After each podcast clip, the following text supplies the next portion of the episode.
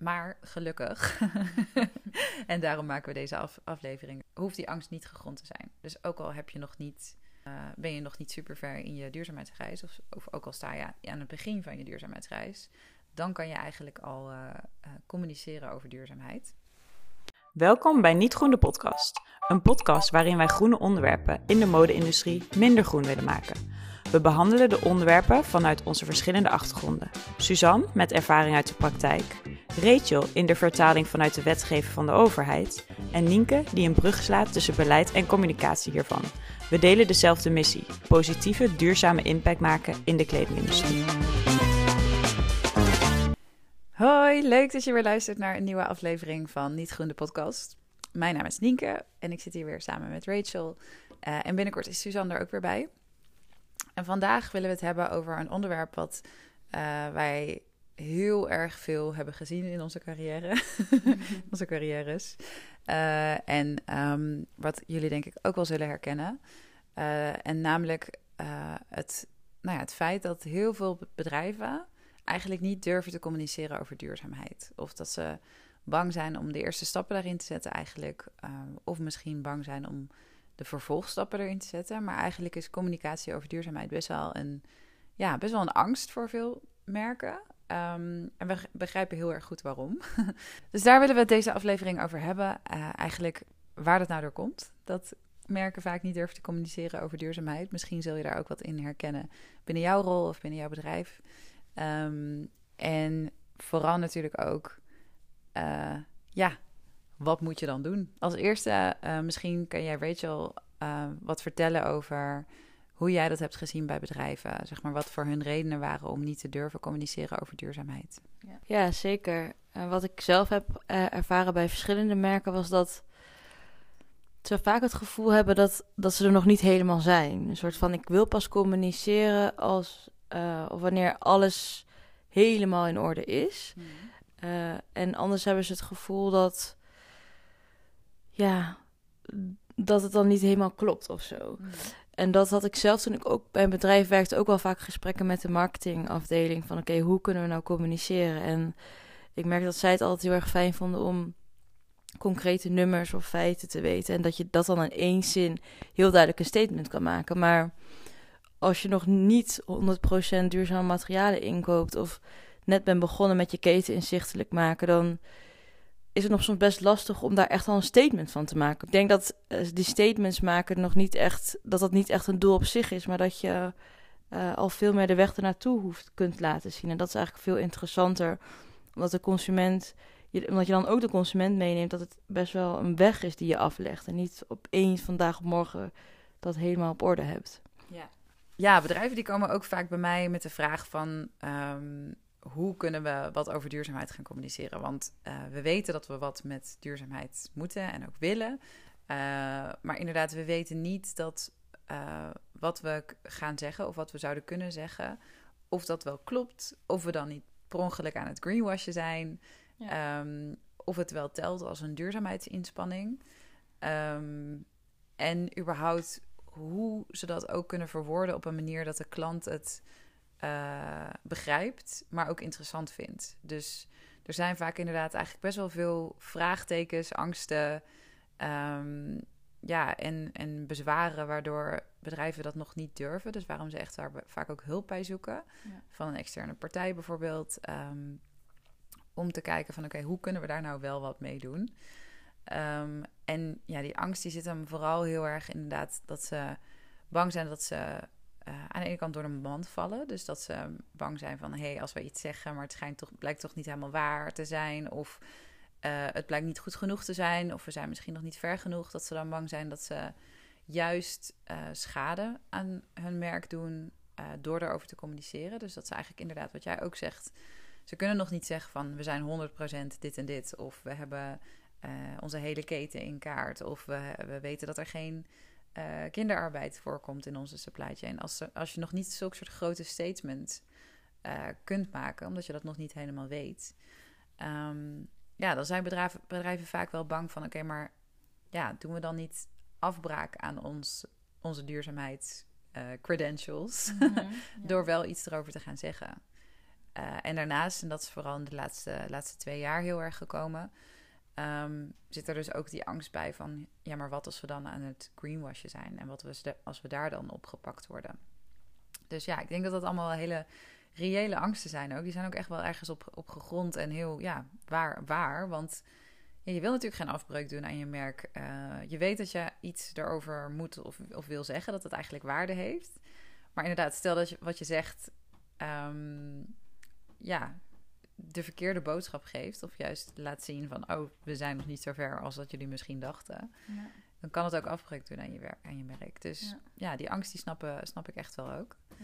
Ja. Um, maar gelukkig, en daarom maken we deze af, aflevering ook, uh, hoeft die angst niet gegrond te zijn. Dus ook al heb je nog niet, uh, ben je nog niet super ver in je duurzaamheidsreis, of, of, ook al sta je aan het begin van je duurzaamheidsreis, dan kan je eigenlijk al uh, communiceren over duurzaamheid.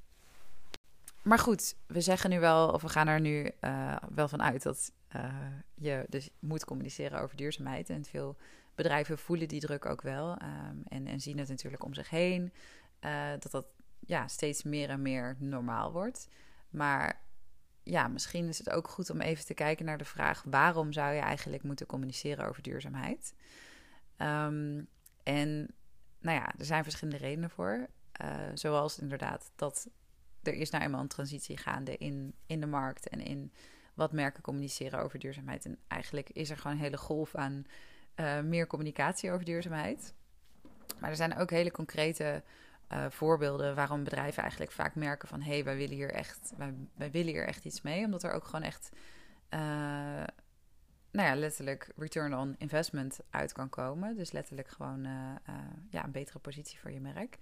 En een voorbeeld wat ik daarbij vaak altijd aanhaal is. Um, Zalando die heeft een keer een onderzoek gedaan, um, gewoon gemeten hoe het nou zit met de, met de verkoop van producten. Want zij hebben natuurlijk ook die duurzaamheidsfilters op hun webshop.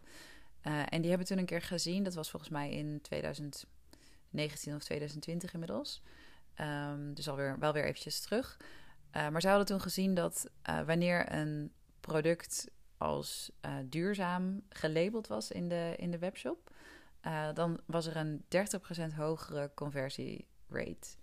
Uh, dus dan werd het product eigenlijk 30% hoog of meer verkocht dan wanneer het niet dat filter had. Dus dat vind ik altijd wel echt al een hele ja, belangrijke indicator. En vooral voor een groot bedrijf zoals Zalando. Die hebben echt wel veel verkopen. Die hebben echt wel veel kracht ook om dat te meten. Ja. Um, dus dat, dat, dat er zoiets concreets en ook zo'n hoog percentage uitkomt, dat vind ik altijd wel heel opvallend. Um, dus ja, dat is eigenlijk één van de voorbeelden waarom je eigenlijk daar iets over zou willen zeggen. Uh, daarnaast zijn er ook natuurlijk eindeloos veel uh, onderzoeken geweest de afgelopen jaren. Ook om het uh, voor bedrijven nou ja, duidelijk te maken van oké, okay, het is niet alleen nou ja, een soort trend of een soort bubbel dat, dat er over gecommuniceerd wordt, maar, maar dat er echt onderzoeken zijn gedaan van um, hoe beïnvloedt het consumentengedrag en wat voor behoeften hebben consumenten. En daar komt eigenlijk steeds naar voren uh, hoe jonger de doelgroep is. Dus bijvoorbeeld Gen Z, als dat je doelgroep is, dan kan je niet meer niet over duurzaamheid communiceren. Sterker nog, die hebben echt wel hele hoge eisen ook aan hoe je communiceert over duurzaamheid. En die willen echt alles weten. Dus die willen weten niet alleen of, je, of het kledingstuk van uh, nou ja, gerecycled polyester is gemaakt, maar ook door wie het is gemaakt, bijvoorbeeld. Um, daar gaan we een andere keer nog wel dieper op in. Uh, want dat is ook nog wel een onderwerp wat veel voeten in de aarde heeft. Zeg maar, wat is nou eigenlijk precies uh, duurzaamheid uh, in de communicatie? Heb jij hier nog iets aan toe te voegen, Rachel? Mm. Je mag ook ja, nou ja, de, zeg maar, er schiet me wel iets te binnen. Maar ik zit gewoon even hard op na te denken of dit per se linkt aan communicatie. Maar ik ga het wel delen. laatst zag ik ook een interessant onderzoek van Harvard Business Review. Mm. En die liet ook zien dat um, wanneer een bedrijf dus bezig is met uh, duurzame activiteiten en hierover communiceert, dat um, medewerkers binnen het bedrijf veel loyaler blijven om daar langer te blijven werken of door te blijven groeien. Of ja, um, ja om gewoon, ja, dat dus je, ja, ze noemen dat dan in het Engels, maar ik denk je werknemers loyaliteit, ik denk dat het mhm. zo in het Nederlands heet, die ging echt met 70% omhoog. Wow. Wat echt mega is. Um, dat vind ik nog wel een interessant feitje, maar dat is niet helemaal gelinkt aan communicatie, maar ook weer wel eigenlijk. Ja, dat is eigenlijk dan meer uh, interne communicatie. En dat Ja, is natuurlijk ook wel. gewoon communicatie. is waar. En, ehm, maar voor interne en externe communicatie heb je eigenlijk wel dezelfde soort ingrediënten nodig. En uiteindelijk, ja, je maakt dan je. Bij interne communicatie maak je je eh, werknemers loyaler. Dus je maakt je eigenlijk een soort fan van je bedrijf. Maar dat is natuurlijk ook wat je wil doen met je klanten. Je wil hun fan maken van, van je merk, zeg Ja. maar. Dus ja, diezelfde ingrediënten die, die hebben nou ja, wel een vergelijkbaar effect in eh, interne en externe communicatie. Ja, klopt. Ja, dat is waar. Ik zat meer te denken aan externe communicatie. Dus daardoor zag ik het afgescheiden. Maar het is inderdaad interne Ja. communicatie ook heel belangrijk, inderdaad. Ja, zeker, ja. Ja, heel goed punt. Oké, dus communicatie over duurzaamheid is sowieso gewoon, eh, nou ja, belangrijk en ik zou eigenlijk willen zeggen essentieel eh, voor alle merken tegenwoordig. Ehm, maar ja, goed, wat kan je nou doen om, ook al sta je nog maar aan het begin van je duurzaamheidsreis, eh, om wel te gaan communiceren over duurzaamheid? Nou, daar zijn verschillende manieren voor. Er is natuurlijk niet maar één manier om over duurzaamheid te communiceren. Uh, en al helemaal niet in het begin, omdat, uh, nou ja, stel dat je echt nog niet veel stappen hebt gezet in duurzaamheid, of nou ja, je hebt er nog niet een hele strategie voor, uh, maar je wil al wel beginnen met, met communiceren. Dan zijn er een paar dingen die je zou kunnen overwegen. Eén soort van hack, een duurzaamheidscommunicatie-hack, die we zouden me kunnen meegeven, is dat je doelstellingen communiceert. En dat klinkt misschien heel raar, of juist een beetje tegen intuïtief. Uh, omdat, nou ja, een doelstelling zou je denken dat heeft heel veel voeten in de aarde. Um, maar een doelstelling is een hele makkelijke manier om heel eerlijk te vertellen over waar je staat. Dus dat is eigenlijk een perfecte tool om te gebruiken, vooral nou ja, bijvoorbeeld in het begin van je, van je duurzaamheidsreis. Um, uh, je kan echt wel, nou ja, je weet inmiddels wel een beetje, denk ik, waar je je op wilt richten binnen je duurzaamheidsstrategie. Um, maar je zou bijvoorbeeld kunnen beginnen met één doelstelling op uh, people en één doelstelling op planet. Om het heel simpel te houden. Als je, dat, als je daar nou ja, even over nadenkt van oké, wat moet dat dan worden? Dan is dat een perfecte tool om dat te gaan communiceren. Omdat je daarbij al, uh, daar kan je mee naar buiten komen. Ik zou er dan een eerlijk verhaal omheen uh, vertellen over, nou, dit is onze, nou ja, misschien heb je al wel een ambitie of... Misschien zeg je gewoon heel simpel: duurzaamheid is voor ons belangrijk. En we gaan ons de komende tijd richten op deze twee uh, onderwerpen met een concrete doelstelling. Dat is eigenlijk al zo'n um, ja, makkelijke eerste stap. Uh, waarbij je niet zo heel veel mis kan doen. Want je zegt gewoon: dit is waar we aan gaan werken. Um, en uh, dat is ook meteen een meetbare manier van communiceren. Want als je daar aan hebt gewerkt, dus een jaar lang. Dan kan je daarna zeggen van... hé, hey, we zijn nu halverwege. We hebben nu 50% behaald. Of um, ja, het is natuurlijk helemaal afhankelijk van je doel. Dus als het een doelstelling is op... Uh, we willen overstappen op um, volledig gerecycled polyester voor 2025. Nou, dan kan je heel makkelijk kan je dat meten en kan je dat communiceren. Uh, je kan ook bijvoorbeeld een doelstelling hebben op... uh, we willen zeker weten dat er geen kinderarbeid voorkomt in onze supply chains. Dat kan je ook redelijk meetbaar maken. Dus daarbij, dat is iets, nou ja, wat eigenlijk op zich vrij simpel is om daarmee te beginnen. Um, en wat je dus, wat eigenlijk al de basis vormt, ook voor de langere termijn strategie in de communicatie. Omdat je daar iedere keer, uh, ieder jaar weer op terug kan komen. Ja. Dus dat is eigenlijk één voorbeeld of één, één hack die je kan gebruiken om, uh, om nu al te starten. Um, heb jij misschien een ander idee of een andere, andere manier van communicatie uh, ja, waar je simpel mee kan starten? Ja.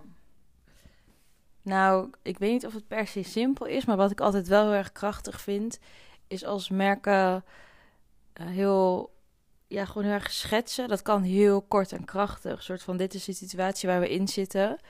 Um, ik heb bijvoorbeeld een klant en hij uh, of zij produceren leren tassen in India. Mm. En in, we willen dan een soort factsheet gaan maken waarin je dan heel concreet en duidelijk ziet van oké, okay, dit zijn, dit is de wereld waar we in leven. Uh, en dat houdt dus in dat we te maken hebben met chemicaliën en arbeidsomstandigheden en um, impact op milieu, nou, heel veel thema's, watermanagement, noem maar op. Um, maar daarin ook een soort blokje willen toevoegen. Dit zijn de uitdagingen waar we tegenaan lopen. Mm. Uh, en dat het gewoon een soort van uh, ja, een soort de lezer heel erg meenemen in, in dat we bewust zijn van sommige thema's. Dat dat niet op, vandaag op morgen is opgelost, maar er wel over na zijn hoe we dat in de toekomst wel zouden kunnen doen. En ik denk vooral die echtheid uh, laten zien en uh, laten zien dat je erover aan het nadenken bent en soms nog niet helemaal weet hoe je daar komt. Dat dat ook heel veel. Um, ja, dat, dat laat gewoon echt zien dat, dat je ermee bezig bent. Mm. En dat hoeft inderdaad niet, zoals wat je net zei, dat je per se van die statements gebruikt van 100% weet ik veel. Uh, dat hoeft helemaal niet zo. Mm. Maar dan is er nog alsnog de uitdaging om dat juist heel simpel en to the point te houden. Omdat je ook, denk als merk, heel erg weg wil blijven van die super lange rapporten in Ja. technische taal. Dat is niet wat je wil. Ja, precies inderdaad ook wat je zegt, Rachel. Die, ehm, eh, als je het te vaag houdt eh, en niet concreet maakt, ehm, eh, dus eigenlijk niet, niet eerlijk bent, is dat eigenlijk, ja, zo, zo kan je dat zien. Dan, ehm, dan ga je dus wel een risico krijgen dat je ja, te maken gaat hebben met greenwashing. Want dat is ook letterlijk een van de, eh, van de vuistregels van het eh, ACM, voor de Autoriteit Consument en Markt, eh, die in Nederland de Europese wetgeving op sustainability claims of green claims heeft vertaald naar nou ja, de Nederlandse versie waarop gehand, gehandhaafd worden. Ehm, en daarbij, zit, nou ja, een van de regels is dus dat je geen vage claims moet doen. Dus dat je moet wegblijven van dingen die, die te vaag zijn. Dus daarom kunnen dingen inderdaad zoals eerlijk vertellen over, over je proces en over dat je bewust bent van eh, waar de risico's liggen. Maar ook ja, concrete dingen zoals een doelstelling en daar eerlijk bij zeggen waar je staat. Dus het niet bij een vaag statement houden van oh, we streven naar. ehm, dus inderdaad, bijvoorbeeld 100% gerecycled polyester. Ehm, maar dan daar inderdaad helemaal niet bij vertellen van ja, hoe ver je daarin bent. Of eh, misschien heb, ben je, sta je op 1%. Nou, dan moet je dat er wel bij gaan zeggen. Want anders dan ben je dus wel aan het greenwashen. Dus ehm,